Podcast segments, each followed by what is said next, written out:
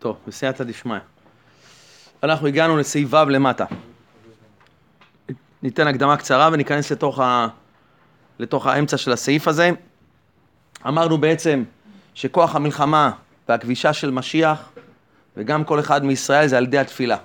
אמרנו שבדור האחרון, משיח מלשון מסיח, אדם צריך מאוד מאוד מאוד להשקיע בתפילה. מאוד מאוד, למסור נפש על התפילה. הן התפילות, השלוש תפילות שבכל יום, הן התהילים שאדם קורא, הן התפילות האישיות שאדם מתפלל, ובמיוחד, במיוחד ההתבודדות. לכן רבנו, רבנו אמר שהתבודדות היא מעלה עליונה וגדולה מן הכל. כי בעצם משיח יכבוש את כל המלחמות, אמרנו, על ידי התפילה. וגם אתה, נשמה טובה, אם אתה רוצה לכבוש את המלחמה הפרטית שלך, אמרנו שזה על ידי תפילה, על ידי כוח התפילה.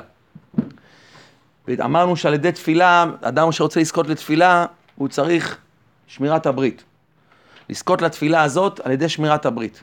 ככל שאדם יותר שמור בברית, אמרנו ייחודה הילאה, ייחודת הטעה, גם במותר, גם באסור, ככל שאדם עוד יותר שומר את הברית, ועוד יותר מתקדש, ועוד יותר מקדש את הגוף שלו, ומזכך את הגוף שלו, ו- ו- ובעצם לאט לאט יוצא מכל התאוות של העולם הזה, כי עיקר התאווה הידועה זה התאווה הגדולה שיש לאדם.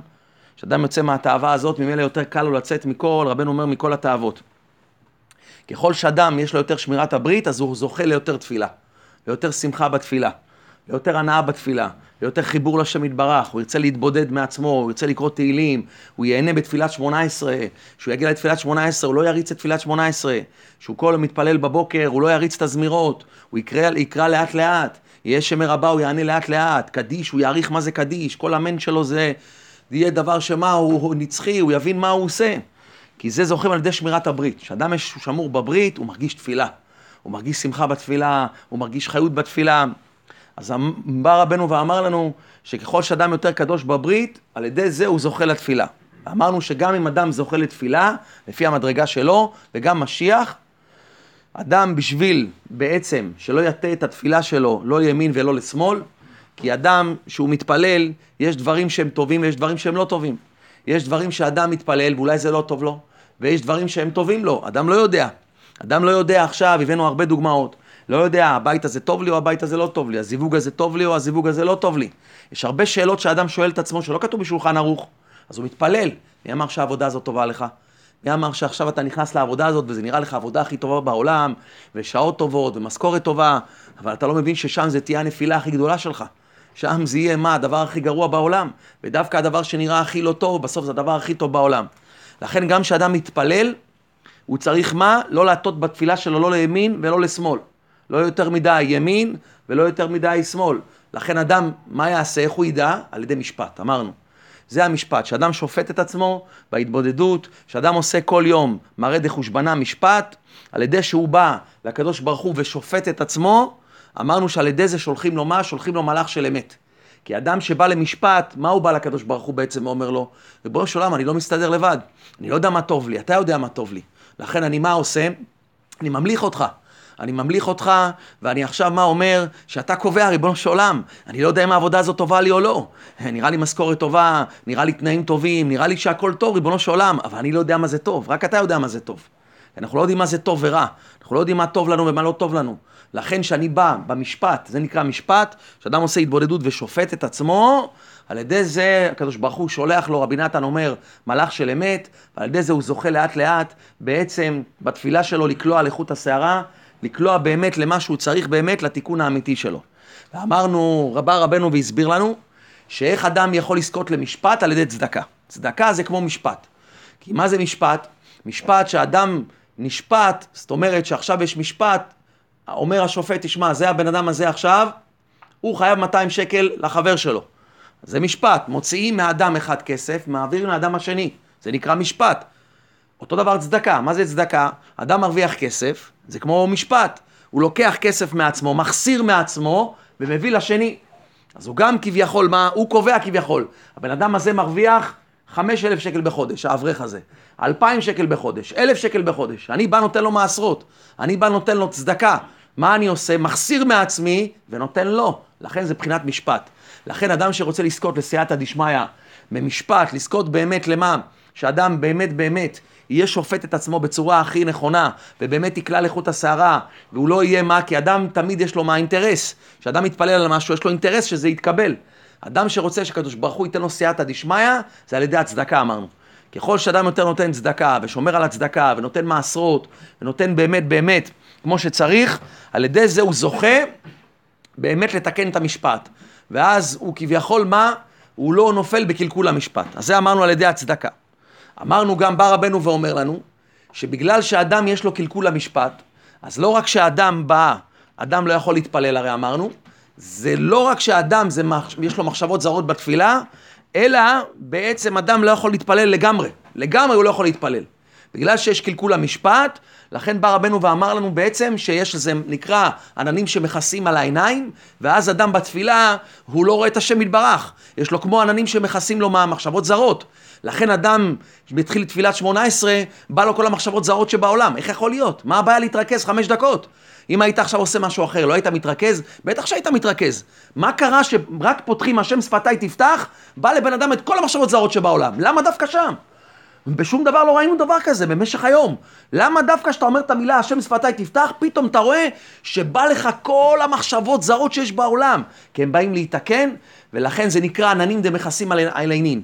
זה אומר הזוהר הקדוש, זה על ידי קלקול המשפט, שאדם לא שופט את עצמו, אדם לא מתבודד, על ידי שאדם לא נותן צדקה, אז יש לו קלקול המשפט, ממילא מקלקול המשפט הוא לא יכול להתפלל, ממילא יש לו מחשבות זרות. וזה מה שאמרנו בעצם בהתחלה, בארבעה חמישה סעיפים הראשונים. לכן אחרי זה אמרנו, שלכאורה מה העצה? אתה אומר לי, תשמע, זה כאילו אתה אומר לי, תשמע, אין לך סיכוי להגיע לתפילה אמיתית. כי אתה אומר לי שמה, אני צריך לזכות, לזכות לכוח התפילה, ואני צריך על ידי שמירת הברית לזכוח לכוח התפילה, ואני צריך גם תיקון המשפט, ואני צריך גם צדקה, ואני צריך את המחשבות זרות, שלא יהיו לי מחשבות זרות כי יש קלקול המשפט. אז אומר רבנו בעצם, איך אדם יגיע בעצם לתפילה, שהתפילה תגיע בעצם למקומה? איך אני יכול שהתפילה שלי תתקבל? ואז בעצם דיברנו בשתי שיעורים האחרונים, שהעצה בדור האחרון זה לקשר את עצמך לצדיקים שבדור. לכל הצדיקים האמיתיים שבדורנו. זה מה שאנחנו אומרים לפני תיקון הכללי, וזה מה שאדם צריך להגיד לפני כל תפילה. לפני כל תפילה שאדם מתפלל, לפני שחרית, לפני מנחה, לפני ערבית, זה בתפילות, לפני מצוות שאדם מקיים, לפני שאדם מתחיל שיעור תורה עכשיו, הוא מקשר את עצמו לצדיקים, לפני שאדם מניח תפילין, בונה סוכה, ציצית, כל מצווה שהוא עושה, בא לקדש, בא לעשות קידוש, כל דבר שהוא עושה, הוא עושה את המאה אחוז שלו, אבל השמירת הברית שלי לא בשלמות. תיקון המשפט שלי הוא לא תיקון המשפט, הוא לא, ב, הוא לא במאה אחוז. כי אמרנו שרק בזמן שביאת משיח יהיה תיקון המשפט בשלמות. כתוב ציון במשפט תיפדה ושבע בצדקה. איך ציון תיפדה? על ידי משפט ושבע בצדקה, שזה יהיה בשלמות, זה רק בימות משיח. אז איך אני אזכה עכשיו לתפילה? איך אני אזכה לכל התיקונים האלה? איך אני אזכה לבנות את מה? את קומת השכינה שהיא נעשית מתפילות עם ישראל. התפילה שלי לא כזאת חזקה, כי אני רואה שאני מה? איפה שמירת הברית, איפה קלקול המשפט, איפה כל הדברים האלה? אני רחוק מזה. לכן העצה בעצם אמרנו של הדור האחרון, ראינו את זה ברמח"ל, במרן החידם, ברמק הקדוש, בארי הקדוש, ברבי חיים ויטל, רבי, רבי השומר אמונים, רבי אהרון רטה, ראינו את זה גם בכל הצדיקים האלה, הבן איש חי, ראינו בעצם שהעצה היצואה לאדם בדור האחרון זה לקשר את עצמו לכל הצדיקים שבדור. ואז זה מה שאנחנו רואים בעצם לפני תיקון הכללי, לפני כל מצווה, בפרט לצדיק האמיתי, רבי נחמן משמחה בן פגה, שהוא הצדיק האמת, מבחינת נשמת משה משיח, כי העיקר זה לחבר את התפילה לבחינת משה משיח, שהוא בונה את מה? הוא בונה את המשכן, והוא בונה, מביאים לו את המשכן, והוא בונה את כל האיברים של השכינה ואת כל התפילות של עם ישראל. לכן זה העצה, שכביכול אדם צריך לעשות בדור האחרון. זה העצה היצואה, בשביל זה מה? זה נקודה שתוכל להציל לך את התפילה. כי אם לא התפילה שלך, מה? התפילה שלך היא תהיה למטה. לכן זה דבר שהוא נראה פשוט, אבל הוא דבר קשה, כי צריך אמונת חכמים. זה מה שבעצם אמרנו, אמונת חכמים, להאמין לצדיקים. אני מאמין לצדיקים, נכון, אני עושה מאה אחוז. אני עושה את המאה אחוז שלי, אני אתפלל, אני אנסה לעשות התבודדות, אני אשפוט את עצמי, אני אתן צדקה, אני אשמור את העיניים, אני אעשה מה שאני יכול. אני את המאה אחוז שלי אתן, אבל עדיין המאה אחוז שלי זה לא הבחינות האלה של הצדיקים. לכן מה אני עושה בסך הכל?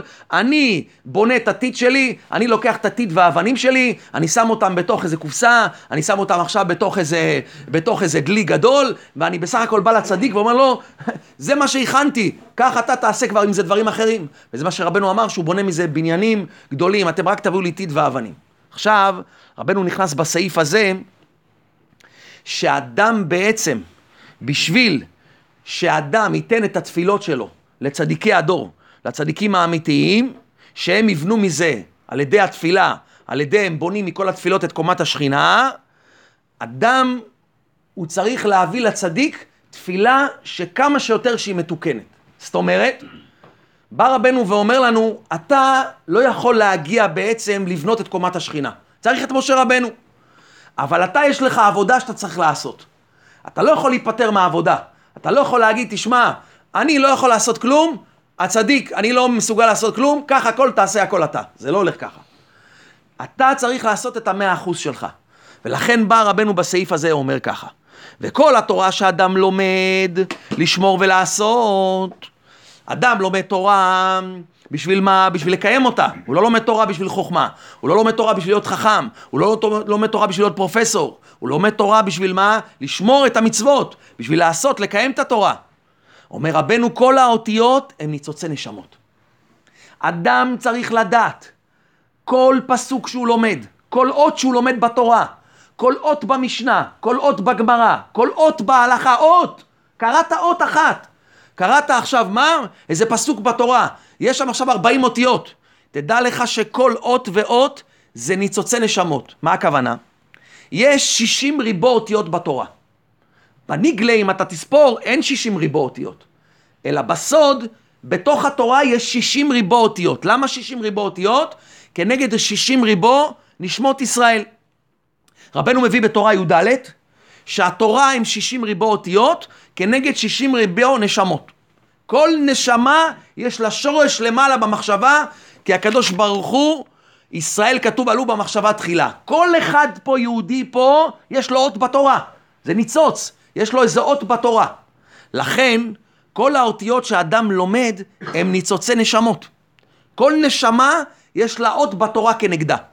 ולכן כשאני לומד את אותיות התורה, כל אות ואות זה בעצם נשמה, זה ניצוצי נשמות.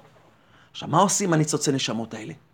וניצוצי הנשמות האלה, רבנו אומר, הם מתלבשים בתוך התפילה, ונתחדשים שם בבחינת עיבור. אתה צריך לדעת, כל מה שאתה לומד, כל יום ויום, כל מה שאתה לומד כל השבוע, כל מה שאתה מספיק ללמוד תורה, תדע לך, שאתה בא לעמוד תפילת שמונה עשרה, שאתה בא להתפלל, אתה בא עם שק של מה? של אותיות של תורה. זהו שק של נשמות. אם לא למדת כלום, אז אין כלום. אין, אין, אין אותיות. אין אותיות, אין נשמות. אין נשמות שיתעברו, אין שום דבר.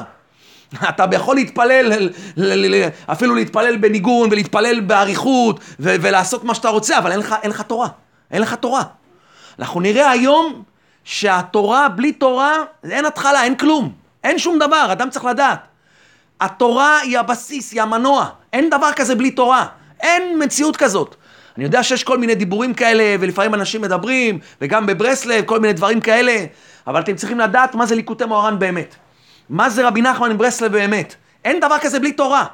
רבנו אומר שכל התורה הם ניצוצי נשמות, והם צריכים לבוא בתוך התפילה. אז אם אתה לא לומד תורה, אין ניצוצי נשמות, אין אותיות, אין שום דבר. אז הם לא מתלבשים בתוך התפילה. בא רבנו ואומר לנו, שהאותיות האלה שאתה לומד, למדת משנה, למדת כל יום משנה, וגמרא, והלכה, זה אלפים של אותיות, אלפים. תחשוב שאתה עומד להתפלל עכשיו, כל העשרות אלפים נשמות האלה, ניצוצי נשמות, הם באים עכשיו בתוך התפילה. ונתחדשים שם מבחינת עיבור. מה הכוונה? כמו התינוק שהוא נמצא בבטן של אמא שלו בזמן העיבור, אז מה קורה לו? הוא מתפתח, הוא מתפתח. ככה הנשמות האלה הן גדלות ונתערות על ידי התפילה. אומר רבנו כמובן בגלגולים, לארי ז"ל, שכל הנשמות, בזמן חטא הדם הראשון, כל הנשמות נפלו אל עמקי הקליפות, כולם. שמגיע זמנם לבוא לעולם, הרי יש מקום שנקרא בשמיים גוף, זה נקרא גוף, שכל הנשמות נמצאות שם, שיכלה המקום הזה, יבוא משיח. שיכלו כל הנשמות האלה לצאת מהמקום הזה שנקרא גוף, יבוא משיח. כשנשמה רוצה לבוא לעולם, היא צריכה עכשיו מה? לתאר את עצמה, היא צריכה להתעבר, היא נתארת מזוהמת הקליפות, ואז היא יכולה לבוא לעולם. איך זה נעשה? איך, נת, איך היא נתארת? איך הניצוצי נשמות האלה שבאות בתפילה איך הן נתערות? על ידי כוח התפילה שלך, תפילות ישראל. וגם. ניצוצי הנשמות שבאותיות התורה, הם צריכים להתלבש בתוך התפילה שהאדם מתפלל, מבחינת עיבור. הם מתארים שם, הם מתחדשים שם. כל הנשמות, כל האותיות שאתה למדת, כל התורה שאתה למדת, היא נכנסת לך בתוך התפילה, והיא מתעברת שם, והיא נתארת שם. כמו שמה? שהנשמות הן באות ומתעברות מתוך, נתערות מזוהמת הקליפה, ואז הן יכולות לבוא לעולם. כל האותיות שלמדת, הן נכנסות בתוך התפילה. ממילא אדם שלומד תורה, יש לו מסה של אותיות. לכן שהוא מתפלל, יש בזה כובד. יש בזה מה? דבר גדול. עכשיו דבר כזה תביא לצדיק, זה משהו אחר לגמרי. זה המאה אחוז שלך. אתה צריך לתת את הכוחות שלך בתורה, ללמוד את התורה, לאסוף ניצוצות של אותיות, ניצוצות של מה שנשמות, שזה אותיות התורה, ועל ידי זה התפילה, זה מתעבר בתוך התפילה, ואז על ידי זה אתה עושה את המאה אחוז שלך, ואז אתה מביא לצדיק. וזה אומר רבנו, שהניצוצי נשמות שבאים מאותיות לימוד התורה, ומתחדשים בתוך התפילה ומתלבשים בה, זה רמוז בפסוק, השמיים מספרים כבוד אל. איך? מה זה שמיים? שמיים, למה נקראים שמיים? שמיים, הגמרא במסרת חגיגה אומרת, שמיים שנעשו מאש ומים. שמיים זה בחינת תורה, גם תורה יש במים. למה תורה יש במים? כתוב על התורה בספר ירמיה, הלא כה דברי כאש. התורה היא נקראת אש. וכתוב גם בספר ישעיה, אוי כל צמא לכו למים. התורה נקראת מים. אז התורה נקראת גם אש וגם מים, כמו השמיים. שמיים זה גם אש ומים. אז יוצא שהשמיים, המילה שמיים זה מרמז על התורה. ומה זה התורה אמרנו? ניצוצי הנשמות. אותיות התורה זה ניצוצי הנשמות. כל אות בתורה יש לה ניצוץ נשמה. והניצוצי נשמות אלה באים בתוך התפילה. השמיים מספרים, מה זה מספרים? לשון ספיר. מה זה ספיר? אבן ספיר. הם מאירים זה לזה ומזהירים.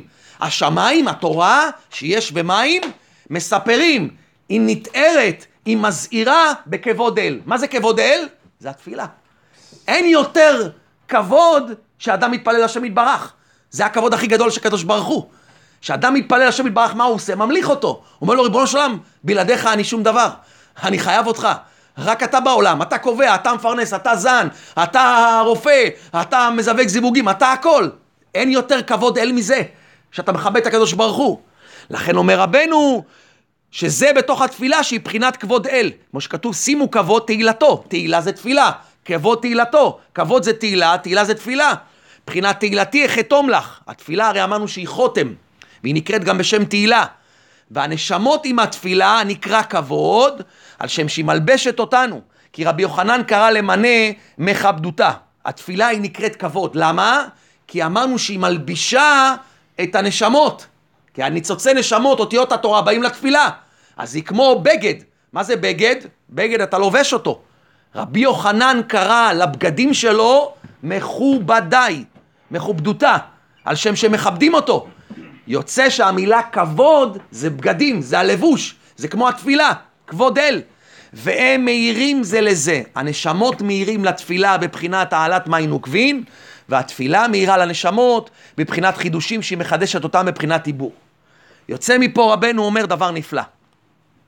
התורה מאירה לתפילה, והתפילה מאירה לתורה. זאת אומרת שפירוש הפסוק הוא ככה, השמיים מספרים כבוד אל. השמיים זה התורה, בחינת התורה, שזה ניצוצי נשמות ישראל, כי אמרנו שכל אות בתורה יש לה ניצוץ של כל יהודי ויהודי. השמיים, התורה, ניצוצי נשמות, מספרים, הם מאירים זה לזה, הם מזהירים כמו אבן הספיר. איפה הם מזהירים? איפה הם מקבלים את התיקון? איפה הם מתלבשים? איפה הם מאירים? בכבוד אל. מה זה כבוד אל? התפילה.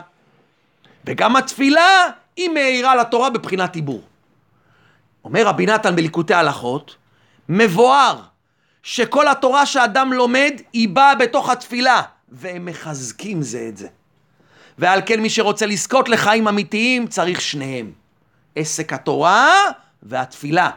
כי הם מחזקים זה את זה. נמצא שמה?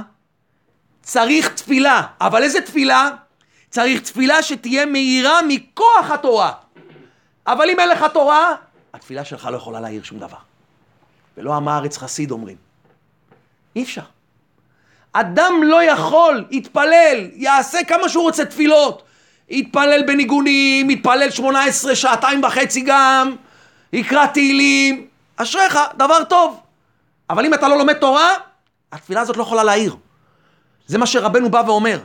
צריך שתפילה היא תהיה מהירה. מאיזה כוח היא מהירה? מכוח התורה. גם התורה היא מהירה לתפילה. חייב תפילה, בלי תפילה גם אין תורה. צריך את שתיהם. היום אנחנו ניקח את הנקודה של התורה. לכן אדם צריך לדעת. בא רבנו ואומר בסעיף הזה, נשמה טובה, אתה צריך תפילה, שהיא תהיה מהירה. מאיפה היא מהירה? מכוח התורה. ואם אין תורה, אין כלום. אין כלום, אין מה שיעיר. התפילה לא יכולה להעיר, נשמה טובה. אין, היא לא יכולה להעיר, אתה חייב את התורה, את אותיות התורה. אתה חייב משנה, אתה חייב גמרא, אתה חייב הלכה, אתה חייב ללמוד את הכל. חומש עם רש"י, אתה חייב ללמוד כל מכמוני התורה.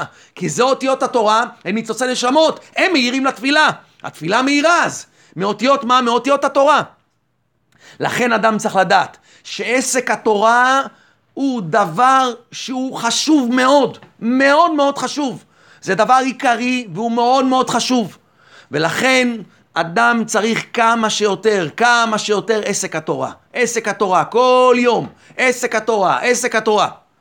וזה בעל התניא מלמד אותנו בפרק חמישי בספר התניא. אנחנו נלמד היום את פרק חמישי בבעל התניא. אתם תראו מה זה תורה. אתם תראו מה זה תורה שאדם לומד תורה. מה ההבדל בין תורה למצוות? אדם מקיים מצוות, מצוין, אשריך, דבר גדול.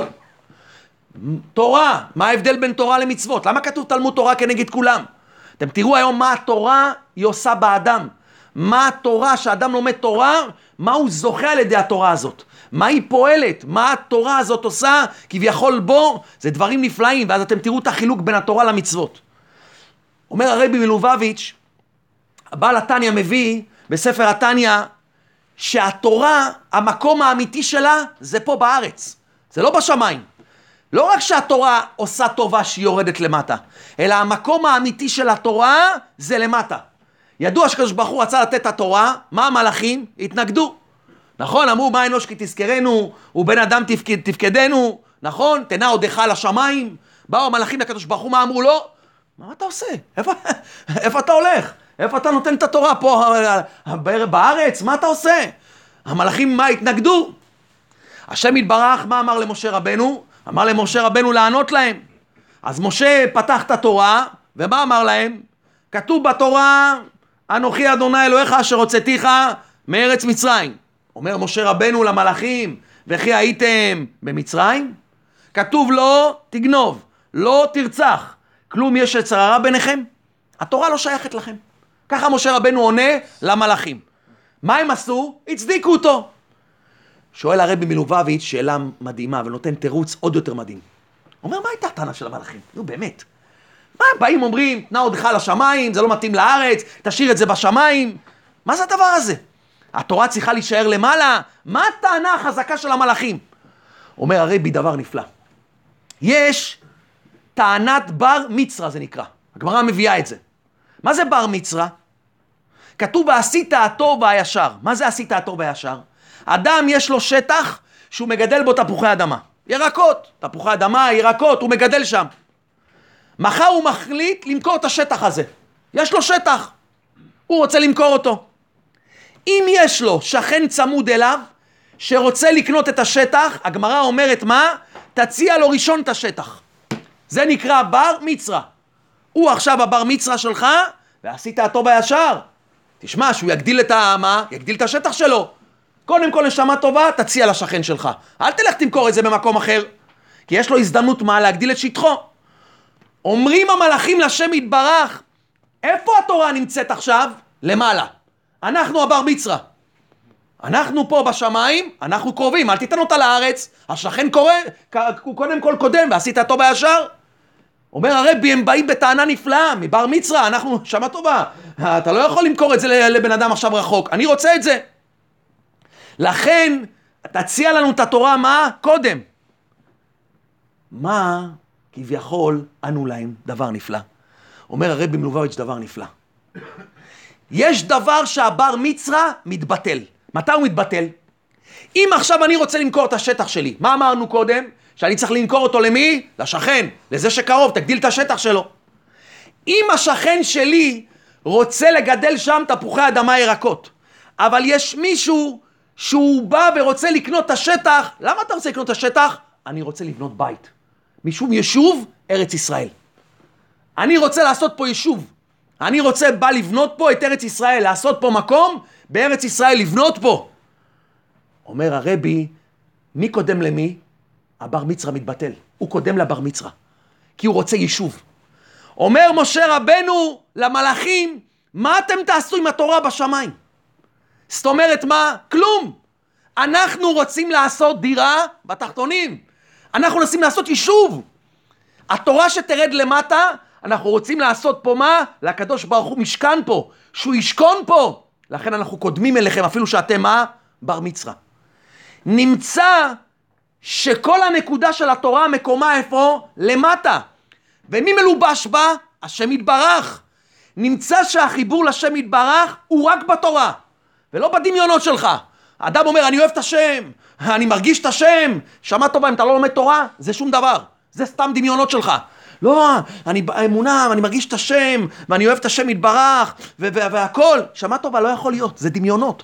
זה הרגשות סתם. זה אתה חושב שהרבה אנשים כאלה. חושבים שבלי התורה, אפשר, אפשר מה להסתדר בלי התורה? אה, תורה, בסדר, למדו הרבה תורה. עכשיו מה, צריך להתבודד 20 שעות, וקברות צדיקים 200 שעות, וכל היום לקרוא תהילים, ו- וזהו, זה הנקודה. מלכתחילה, נכון, יש ימים כאלה. יש ימים שאדם הולך לקברות צדיקים, יש ימים קשים שאדם פתאום רוצה להתבודד כמה שעות, יש ימים כאלה. תפתח תהילים, תקרא גם שעתיים. יש ימים כאלה, לא אומר. אבל אתה לא יכול לעשות את זה, מה? ב-80-90 אחוז שלך. אדם לפעמים יש לו מה יצר רע, זה יצר רע גמור. אין דבר כזה להתחבר לשם בלי תורה. אין, אין, תתבודד 200 שנה. תתבודד 200 שנה, זה לא יעזור לך. תלך למקווה 15 מיליון פעם. אם אתה לא לומד תורה, זה טוב, בסדר, עשית דבר טוב, קבל שכר על זה. חיבור לשם דבר אתה לא יכול להתחבר. חייב תורה, אין דבר כזה בלי תורה. אין מציאות בלי תורה. אתם חייבים להבין את זה, זה ברסלב. זה רבנו, זה ליקוטי מוהר"ן. זה ליקוטי מוהר"ן, בלי תורה אין כלום, אין דבר כזה. אין דבר מציאות כזאת.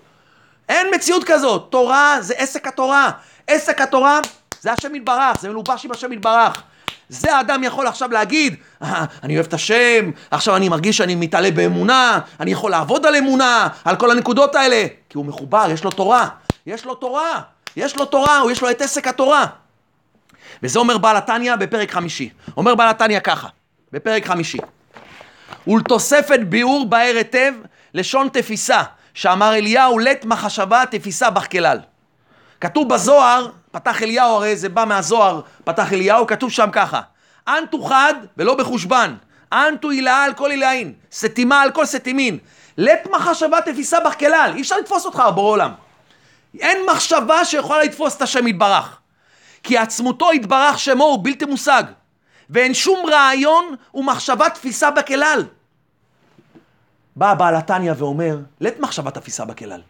אבל יש משהו שאתה יכול לתפוס את השם, זה התורה. אנחנו נראה היום שמי שלומד תורה, בכל לימוד שלו, ואנחנו נראה איזה לימוד, הוא תופס את השם יתברך. אנחנו נראה כמה התורה, אתה לא מבינים מה זה התורה הקדושה. מה זה התורה הקדושה? מה זה כל פסוק בתורה? מה זה כל מה, הלכה בתורה? כל משנה שהבנת, כל איזה סוגיה שהבנת, אתה לא מבין מה אתה עושה. אתה לא מבין מה אתה עושה עכשיו, עזוב את השכר שאתה תקבל. אתה לא מבין מה אתה עכשיו מרגיש את השם יתברך. אנחנו נראה עכשיו מה בעל התניא יסביר לנו דברים נפלאים. אומר בעל התניא ככה, הנה כל שכל שמשכיל ומשיג בשכלו איזה מושכל, הרי השכל תופס את המושכל ומקיפו בשכלו. והמושכל נתפס ומוקף ומלובש בתוך השכל שהשיגו והשכילו. וגם השכל מלובש במושכל בשעה שמשיגו ותופסה בשכלו. אומר בעל התניא ככה, דבר נפלא. יש שכל ויש מושכל. מה זה שכל? שכל זה השכל שלי. לכל בן אדם יש שכל במוח. מה זה מושכל? המשנה במסכת ברכות. זה מושכל.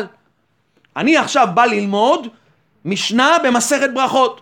ממתי קוראים את שמע בערבית? משעה שהכהנים נכנסים לאכול בתרומתן. דברי רבי אליעזר, עד סוף השמועה הראשונה. וחכמים אומרים עד חצות. רבן גמליאל אומר עד מעט שעל עמוד השחר. אני עכשיו לומד משנה במסכת ברכות. זה המושכל. לי יש שכל ויש מושכל. אומר בעל התניא דבר נפלא. שאדם לומד תורה, שכל, עם השכל שלו, הוא בא ללמוד את מה? את המושכל. שעכשיו למד את המשנה והבנת אותה, למדת גמרא או חומש, והבנת את הפסוק, יוצא שמה? שתי דברים. השכל שלך מקיף מה? מקיף את המושכל. לאט לאט הוא מה? הוא מבין אותו, ואז המושכל מלובש מה? בתוך השכל. זאת אומרת, שאומר בעל התניא, שאתה לומד תורה, אתה זוכה לשתי דברים. אתה זוכה שאתה מוקף באור השם, ולא רק מוקף באור השם, אתה מקיף את השם יתברך, אתה מחבק אותו. זאת אומרת, אני יכול עכשיו שמישהו יחבק אותי, הוא נמצא מה? הוא לא נמצא בתוכי, הוא נמצא מבחוץ. אור השם נמצא בחוץ. לעומת זה, שאני לומד תורה, אור השם נכנס בתוכי. אני מחבק את המלך, אני מחבק את השם יתברך. וזה אנחנו נראה היום את ההבדל בין מצוות לתורה. מצווה, אתה רק מוקף. אור השם חיצוני. כל מצווה שאתה תעשה, אנחנו נראה את זה היום, זה רק דבר חיצוני. הנחת תפילין עכשיו, אור השם מבחוץ, לא מבפנים. אתה לא יכול לקבל מבפנים. זה מצווה. תורה, למדת, זכית בשתיים. אתה גם מוקף וגם מקיף. אור השם נמצא בחוץ ובתוכך. אתה מחבק את המלך. אתה מחבק את השם יתברך. זה אור השם שנמצא בתוכך. נמצא שאדם מקיים מצווה, הוא יכול להשיג רק דבר אחד, שהמצווה תקיף אותו, היא תעטוף אותו. אבל כשאדם לומד תורה, לא רק התורה מקיפה אותו, אלא גם הוא מקיף אותו. הוא גם מקיף אותו. לכן, כשאדם לומד תורה, מה זה התורה? היא חוכמתו ורצונו של הקדוש ברוך הוא. כשאני אומר פסוק בתורה, כשאני לומד גמרא, מה זה התורה? מה זה הגמרא? מה זה המשנה? זה החוכמה והרצון של השם. נמצא שאתה לומד תורה ומבין אותה, במשנה הזאת מה מלובש? חוכמתו ורצונו של השם יתברך. נמצא לא רק שהמשנה, שזה השם יתברך, מקיף אותך, אלא אתה זוכה להקיף את השם יתברך, שהוא מלובש במשנה הרי. אתה מה? מחבק אותו. נמצא שההתאחדות שלך עם השם יתברך היא בבלואה. אתה גם מוקף וגם ניקף. אור השם נמצא בחוץ ובפנים. במצווה לא, רק בחוץ. זה תורה, זה תלמוד תורה כנגד כולם. זה למה תורה לא מבטלים. אדם צריך להבין מה זה תורה. עכשיו אנחנו יושבים לומדים סוגיה אביי ורבא. לומדים בגמרא סוגיה. אתה וחבר לומדים. יש פה עכשיו 15 אנשים. אתם לומדים חברותה. פתאום יש פה בן אדם מצד ימין נחנק. בן אדם נתקע לו פה בגרון, נחנק. בן אדם מה? הולך למות. אתה רואה מישהו שקפץ ישר, הזמין מה? אצולה. אתה המשכת ללמוד גמרא. המשכת ללמוד. באו איחוד הצלה, הצילו אותו, הבן אדם, ברוך השם, ניצל, הכל טוב, הצלת אותו, היה צריך למות. משבחים אותו, מה זה, תראה מה הבן אדם עשה. שמע, הבן אדם באמת מגיע לו כל הכבוד. אומרת הגמרא, גדול תלמוד תורה יותר מהצלת נפשות. אתה המשכת עם אביי ורבא, המצווה שלך יותר גדולה. תורה יותר גדולה מזה. גדול תלמוד תורה יותר מהצלת נפשות. אם אף בן אדם, אתה חייב ללכת להציל אותו. אין דבר כזה, אם אתם לבד ואתה חייב להציל אותו, לא, עכשיו מה, תמשיך ללמוד. אבל אם יש מישהו אחר שהתעסק בזה כבר, כבר מישהו קפץ להציל אותו, נשמה טובה, אתה תמשיך עם אביי ורבא. אתה כרגע יותר גבוה ממנו בשמיים. כי אתה, מה, מה הוא עשה? הוא עשה מצווה. עשה מצווה, אור השם מקיף אותו. אתה עכשיו לומד אביי ורבא, אור השם בתוכך. אתה גם, אור השם מקיף אותך מבחוץ וגם מבפנים. אור השם בתוכך. וזה שונה מאשר שאדם לומד חוכמה אחרת. אם אדם לומד עכשיו, נגיד סתם, אדם לומד איזה חוכמה של איזה חכמים, חוכמה של הכוכבים, חוכמה של פרויד, אז כל הדמיונות האלה. זה שתי דברים נפרדים. למה?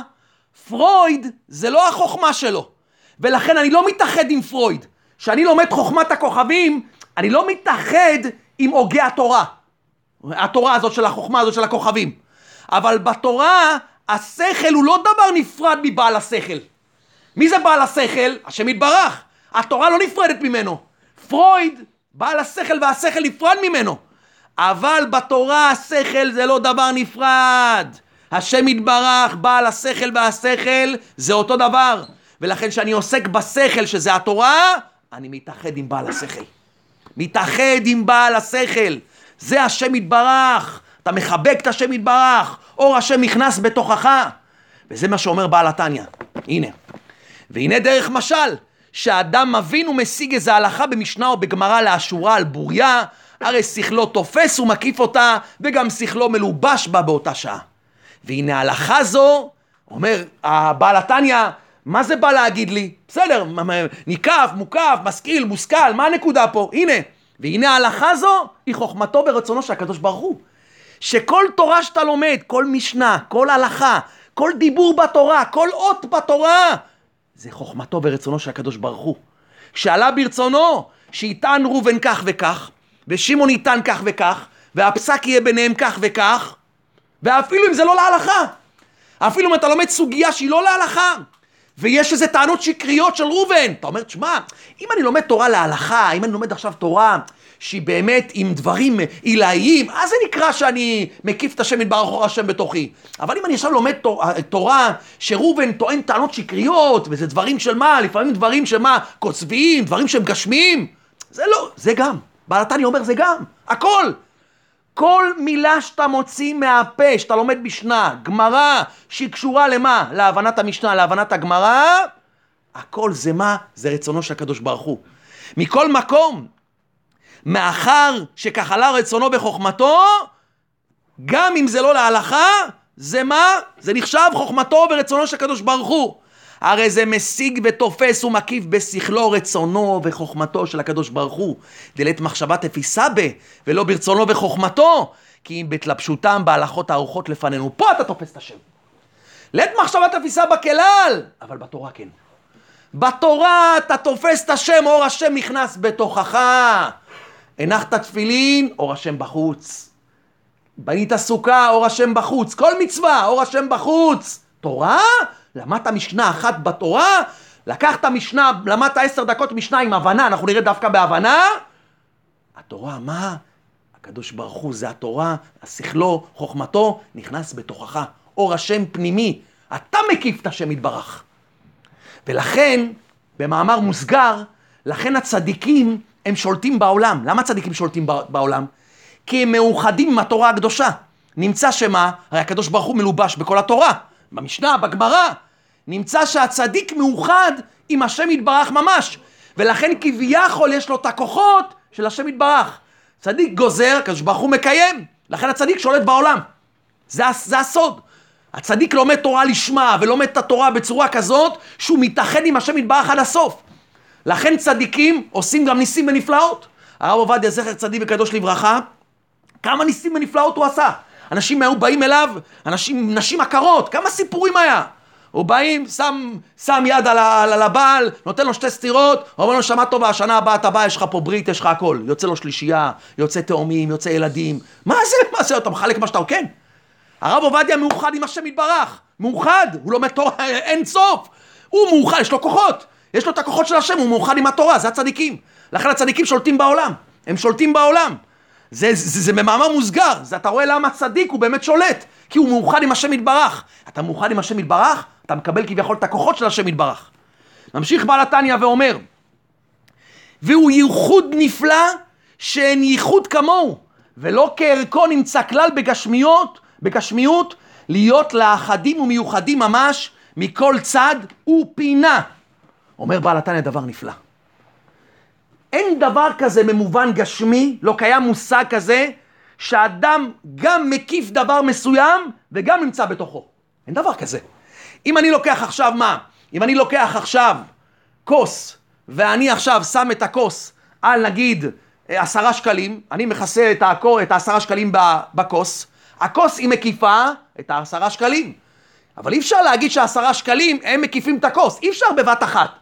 זה או שעכשיו אתה מקיף, או שאתה עכשיו מה? מוקף. אי אפשר ביחד לעשות דבר כזה. כי אם הוא מקיפו, הוא לא בתוכו. ואם הוא בתוכו, הוא לא מקיפו. אבל כאן, על התורה, אומר בעל התניא, הוא ייחוד נפלא שאין ייחוד כמוהו.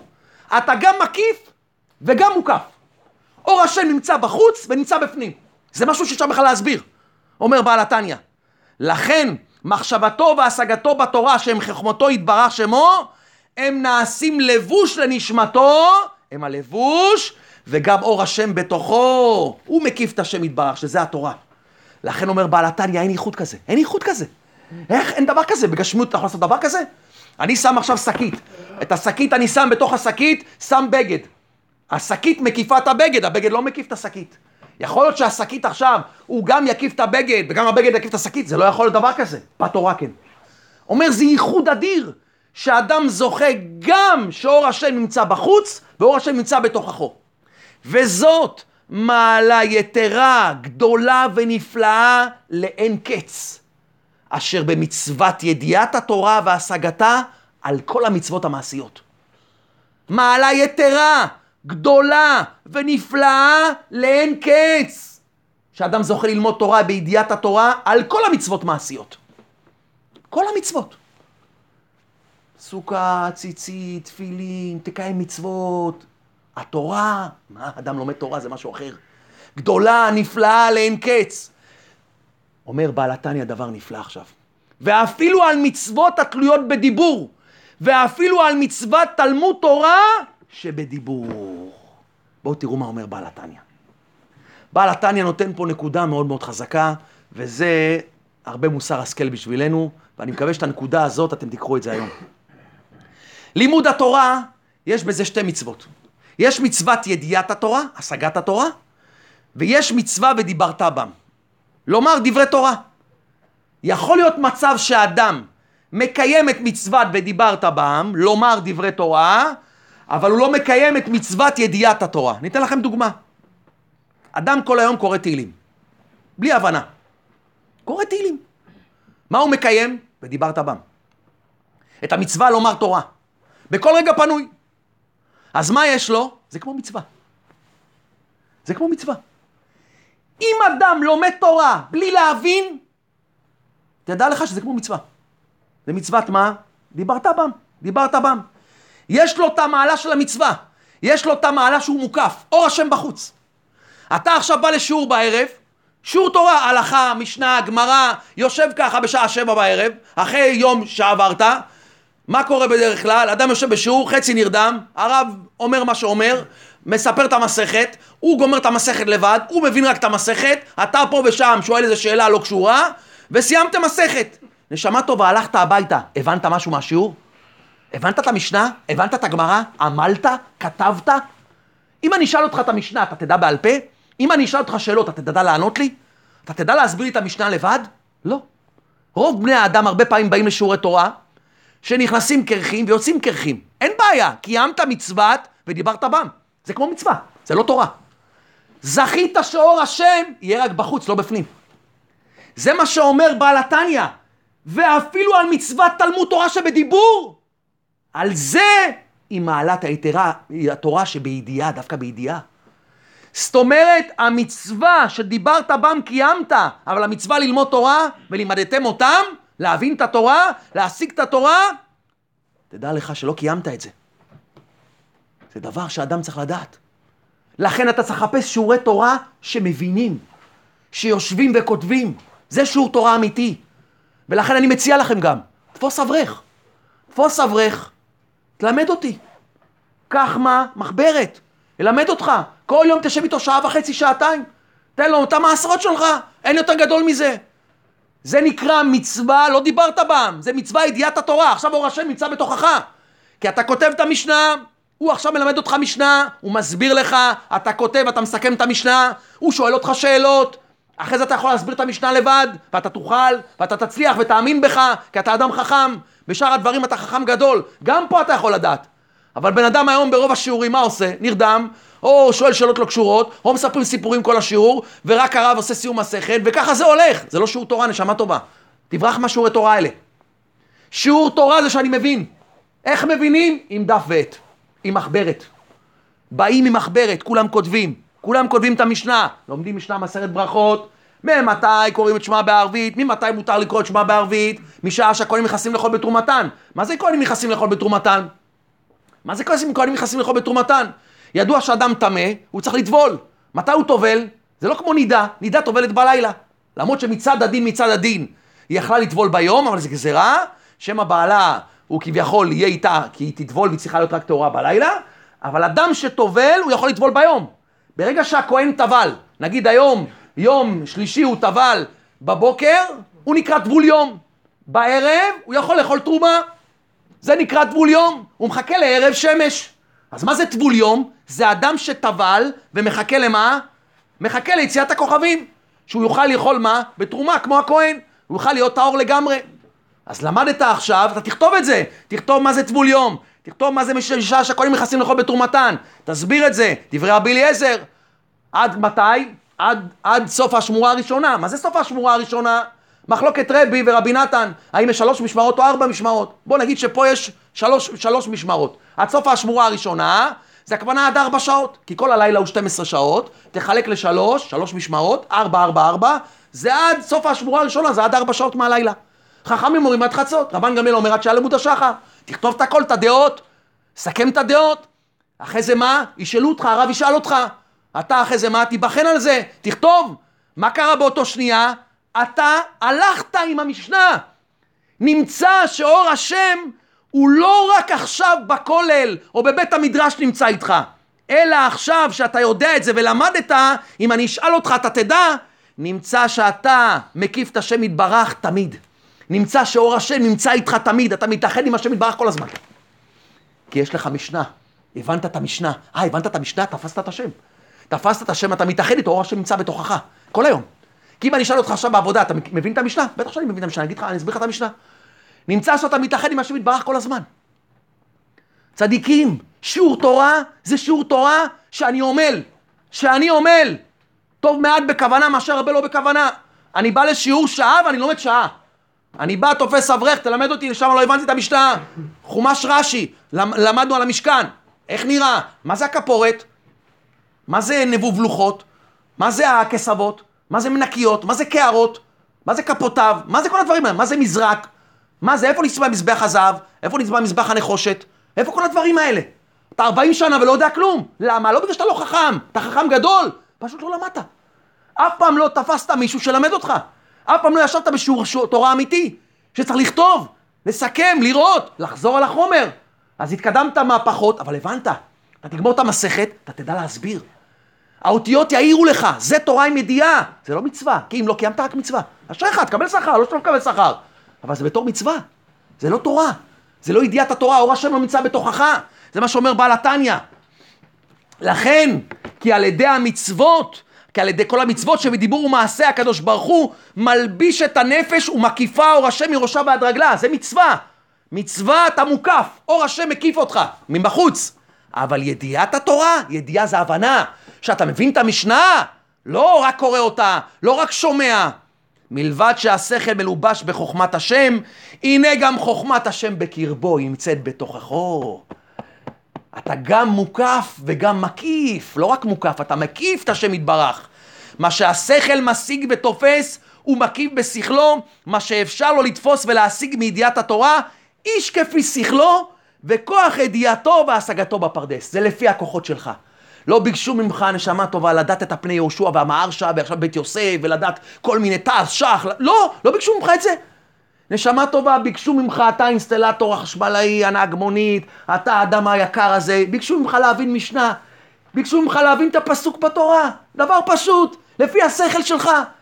באת, עמלת, כתבת, הבנת, שאלו אותך, הסברת, חזרת על זה, נשמה טובה, קנית, אור השם נמצא בתוכך. זה תורה, ככה לומדים תורה. לכן אדם צריך מה? אדם צריך כפי שכלו, כפי שכלו, לא להיבהל. אני בא לשיעור תורה שלומדים. אני רוצה שיעור תורה, לכן תפוס אברך, זה הכי טוב בעולם.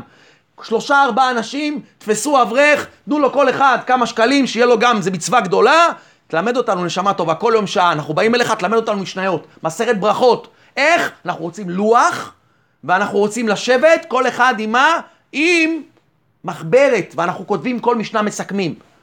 ראשון, שני, שלישי, רביעי אנחנו לומדים. יום חמישי מבחן. חייב מבחן. יום חמישי גמרתם ארבע משניות נגיד, הרב בוחן אתכם, האברך בוחן אתכם, נותן לכם שאלות, תכתבו עשר שאלות, מקריא לכם עשר שאלות. בכבוד, תעשו את השאלות. כמה קיבלת? שמונים, תשעים. תחזור לכיתה א', ב'. בסוף יש גם עם ההורים, מזמינים את ההורים ודברים כאלה, אם אתה עושה בעיות ודברים כאלה. אבל זה, זה האמת, זה האמת, ככה לומדים תורה. אתה תראה שאתה תבוא הביתה, איזה אור יהיה לך בנשמה, כי אתה מתאחד עם השם יתברך. לכן כל אלה שהולכים לשיעור תורה ובאים הביתה ורואים סרטים ופותחים אייפון ונופלים איפה שהם נופלים, למה? אבל הם אור התורה, איך אור התורה לא החזיר אותם בתשובה? איך התורה לא שינה אותך? כי זה לא, לא תורה, זה לא ידיעה, זה מבחוץ. אבל אדם שלומד תורה ומבין, התורה נכנסת בפנים. הוא מקיף את השם, אור השם נמצא בתוכחו, וואו. זה כבר אור אחר, ממילא הוא לא רוצה את העולם הזה. הוא לא רוצה את אבלי העולם הזה, הוא לא קשור לעולם הזה. לפי שבידיעת התורה, התורה מלובשת בנפש האדם ושכלו ומוקפת בתוכם. לכן נקראת התורה בשם לחם ומזון הנפש. כמו שהלחם הגשמי זן את הגוף שמכניסו בתוכו וקרבו. אומר בעל התניא, התורה היא נקראת מזון. למה היא נקראת מזון? אתן לכם דוגמה. יש לאדם לבושים נעים, בגדים יפים. זה משפיע עליו או לא משפיע עליו? בטח שמשפיע עליו. אם עכשיו ייכנס לפה בן אדם עם עניבה, עם ככה לבוש יפה, מה אתה תגיד שהבן אדם הזה? בטח אתה מכובד. רבי יוחנן אמרנו, קרא לבגדים שלו הכבוד, מכובדיי. הבגדים מוסיפים יופי באדם.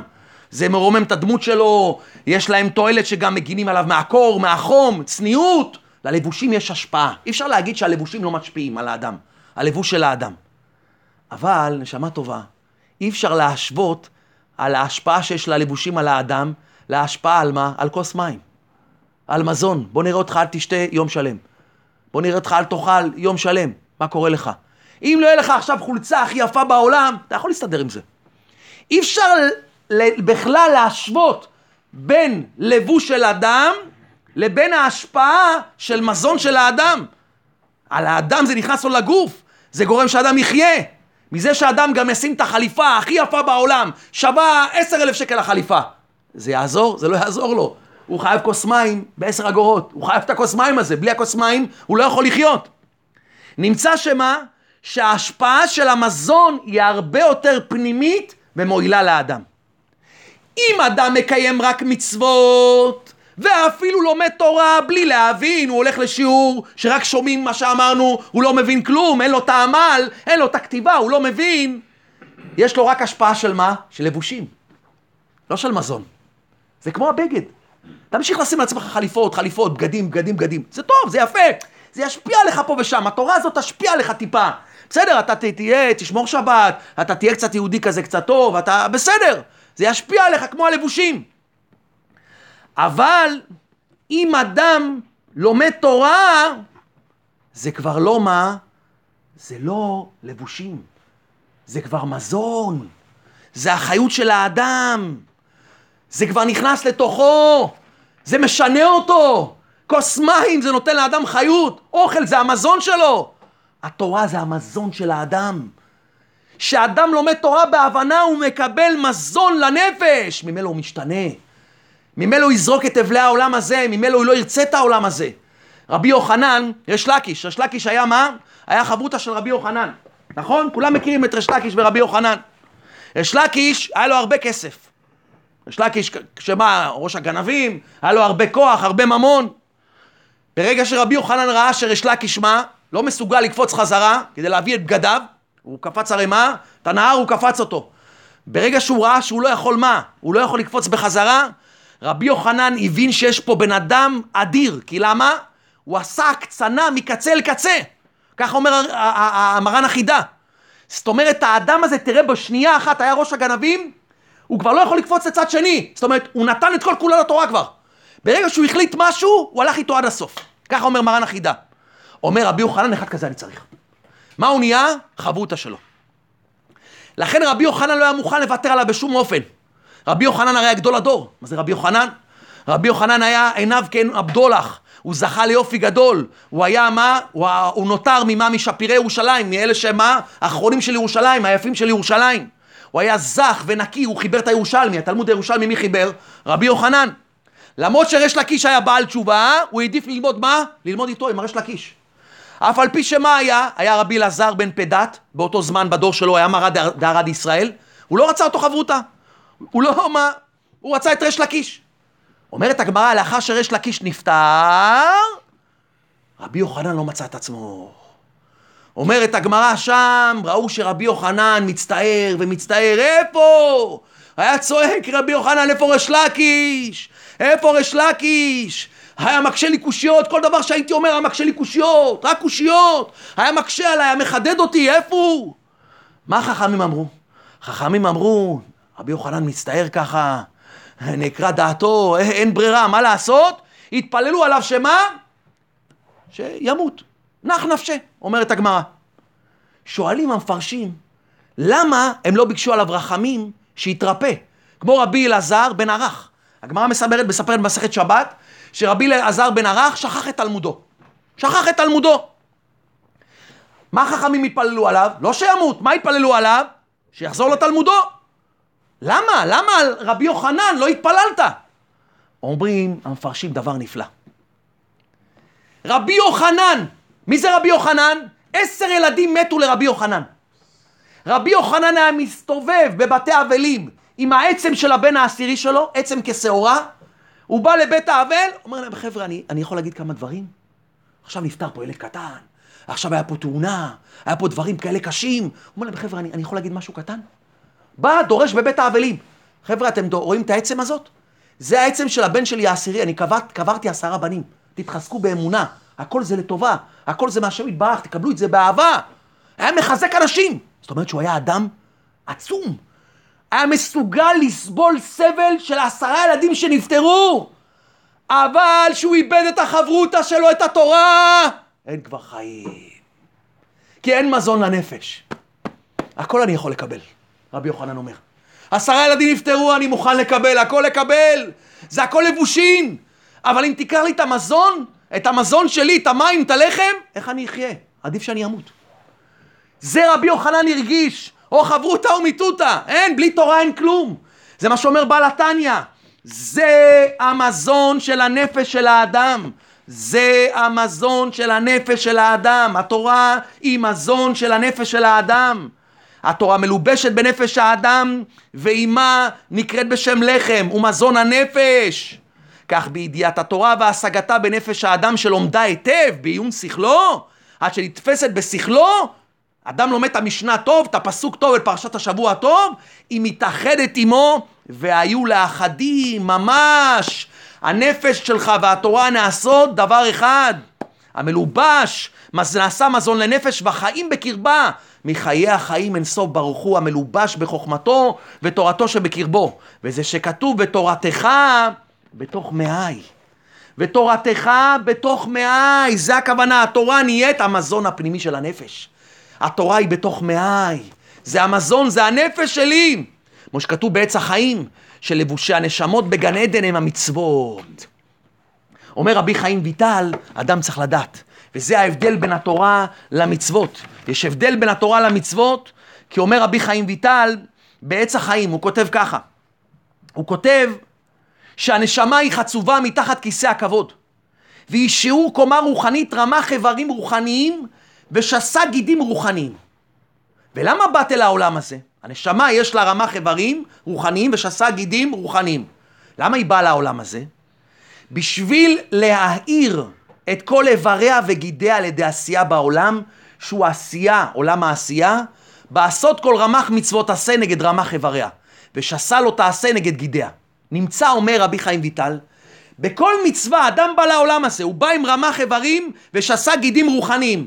מה הוא צריך להתחיל לעשות? להאיר כל עבר ועבר.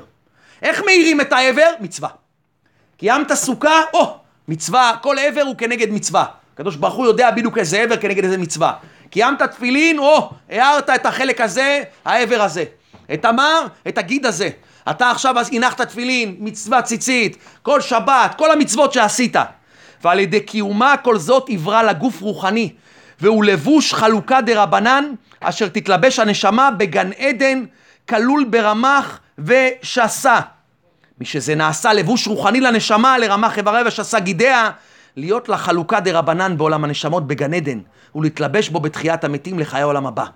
זה החלוקה דה רבנן שלך, זה המצוות. זה המצוות. אבל, אומר בעל התניא, והתורה היא המזון לנשמות שעסקו בעולם הזה בתורה לשמה. כמו שכתוב בזוהר, לשמה היינו כדי לקשר נפשו לשם על ידי השגת התורה איש כפי שכלו. אבל יש את מה? את התורה. אומר רבי חיים ויטל, גם מזון הנפש היא התורה. שאם בעולם הזה לא יעסוק אדם בתורה יומם ולילה, לא יהיה לה מזון בעולם הנשמות, אפילו שיש באדם מלבוש הוא המצוות. קיימת מצוות, נשמה טובה, מצוין, דבר גדול. מה קיבלת? חלוקה דה רבנן. אבל בעולם הנשמות אתה תהיה רעב. בעולם הנשמות תהיה רעב מהמזון העליון בעולם הנשמות. כי אין תורה. אין תורה. אין תורה, קיימת מצוות מצוין, יש לך חלוקה דה רבנן. אבל אם לא למדת תורה, בהבנה, לא הבנת את התורה, לא זכית מה? למזון. זה מזון, זה כל שנייה מזון שאתה מלא לעולם הבא. כל שנייה, כל אות, כל אות שאתה לומד, כל משנה, כל גמרא, כל סוגיה, כל פסוק, כל שנייה בתורה, עוד מזון. עוד מזון. עוד מזון רוחני. עוד מזון רוחני. זה מה שאדם זוכה על ידי מה? על ידי התורה הקדושה. לכן אדם צריך לדעת שהוא לומד תורה, זה ההבדל בין התורה למצוות. שאדם מקיים מצווה, אור השם מקיף אותו מבחוץ. זה דבר גדול, זה דבר מצוין, אתה זוכה לחלוקת דה רבנן, אתה מאיר באיברים שלך, אבל זה רק מבחוץ. רק מבחוץ. ואפילו אם למדת תורה, אבל בלי הבנה, זה גם כמו מצווה. זה נקרא מה? אור השם מבחוץ. אבל אם אדם למד תורה, בהבנה, הבין משנה אחת, הבין פסוק אחד בתורה, הבין מהלך אחד בגמרא, הבנת, אמרת הבנתי, הלכת הביתה, אמרת אני מבין את המשנה, הבנתי אותה, אם תשאל אותי שאלה, אני אדע, פחות או יותר אני אדע. תדע לך, נשמה טובה, התאחדת עם השם יתברך. אור השם לא רק נמצא בבחוץ, הוא נמצא גם מה? נמצא מה? בתוכך, הוא נמצא בתוכם, בבפנים. זה אור התורה הקדושה. לכן אדם צריך לדעת, אין, אין ערך כמו התורה, כמו התורה הקדושה. כמו התורה הקדושה שאדם עוסק בתורה. זה דוגמה, אני אתן לכם דוגמה. זה דוגמה כמו לילד קטן. ילד קטן, אין לו הרבה שכל. אם תיתן לילד קטן עכשיו לבחור בין שקית של גולות, שהמחיר שלה כמה שקלים, לבין יהלום, יהלומים עכשיו שהבאת מהבורסה. שמחיר ההתחלתי של יהלום זה 100 אלף דולר. בלי לחשוב מה הילד יבחר? בשקית של הגולות. הוא ייקח מה? שקית של גולות. כי לפי השכל שלו מה? הגולות יותר יקרים מה? מהיהלומים. אם הוא היה לוקח יהלום אחד, הוא יכול לקנות מה? את כל הגולות שיש במדינה. מה הוא עושה לפי השכל שלו?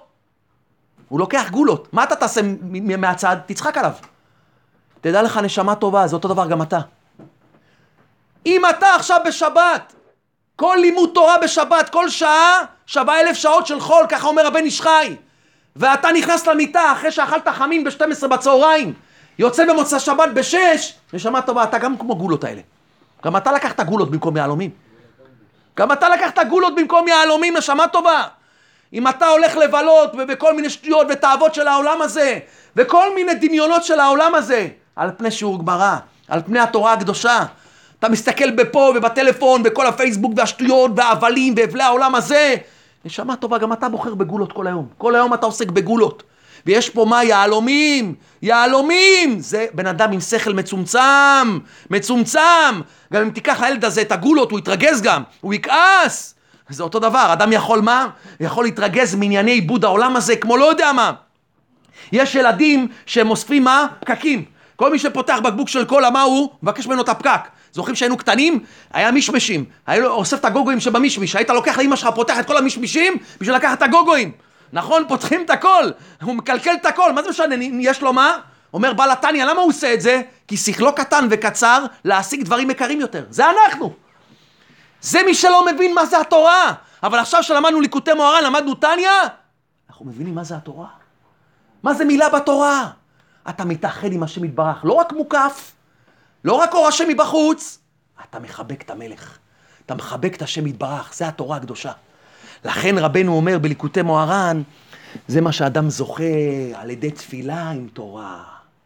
שאדם למד תורה, אז הנשמות האלה, שזה בחינת התורה, כל הניצוצי נשמות האלה, כל מה שלמדת תורה, נשמה טובה, כל מה שאספת היום במשנה, בגמרא, בהלכה, הם באים להתלבש בתוך התפילה. ואז אומר רבנו, המובאות לצדיק שבדור, עכשיו, אחרי יום שלמדת שעה עם האברך, ולמדת משנה והבנת, והבנת קצת את המה, את ההלכה, והבנת גם את פרשת השבוע קצת עם רש"י, עכשיו התפללת ערבית, עכשיו נשמה טובה, אתה מקשר את עצמך לצדיק לפני ערבית, עכשיו אומר רבנו, הנשמות שמולבשים בתפילה, עכשיו שיש מה? שיש תפילה שהיא מהירה מכוח התורה, שמובאות לצדיק שבדור, הן בבחינת בתולות אחריה, ראותיה מובאות לך. זה כבר משהו אחר. הן עושות כאלה תיקונים גדולים. לכן אדם צריך לדעת, התורה הקדושה, התוירה הקדושה.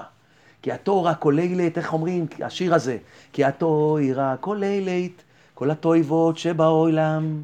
אין כלום בלי התורה, זה מוות. זה מוות, זה מוות. בלי תורה זה מוות. למה זה מוות? כי אין התקשרות עם השם. אין התקשרות עם השם.